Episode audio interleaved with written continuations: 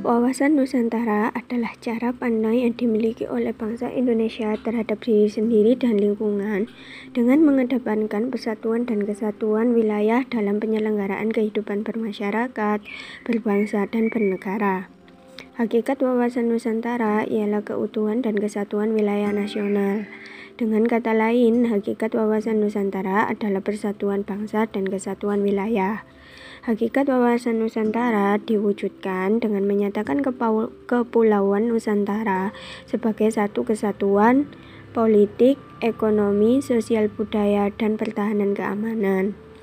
Cara mengimplementasikan wawasan Nusantara dalam kehidupan sehari-hari ialah dengan cara memperkenalkan kekayaan bangsa Indonesia terhadap masyarakat yang belum memahami bangsa Indonesia secara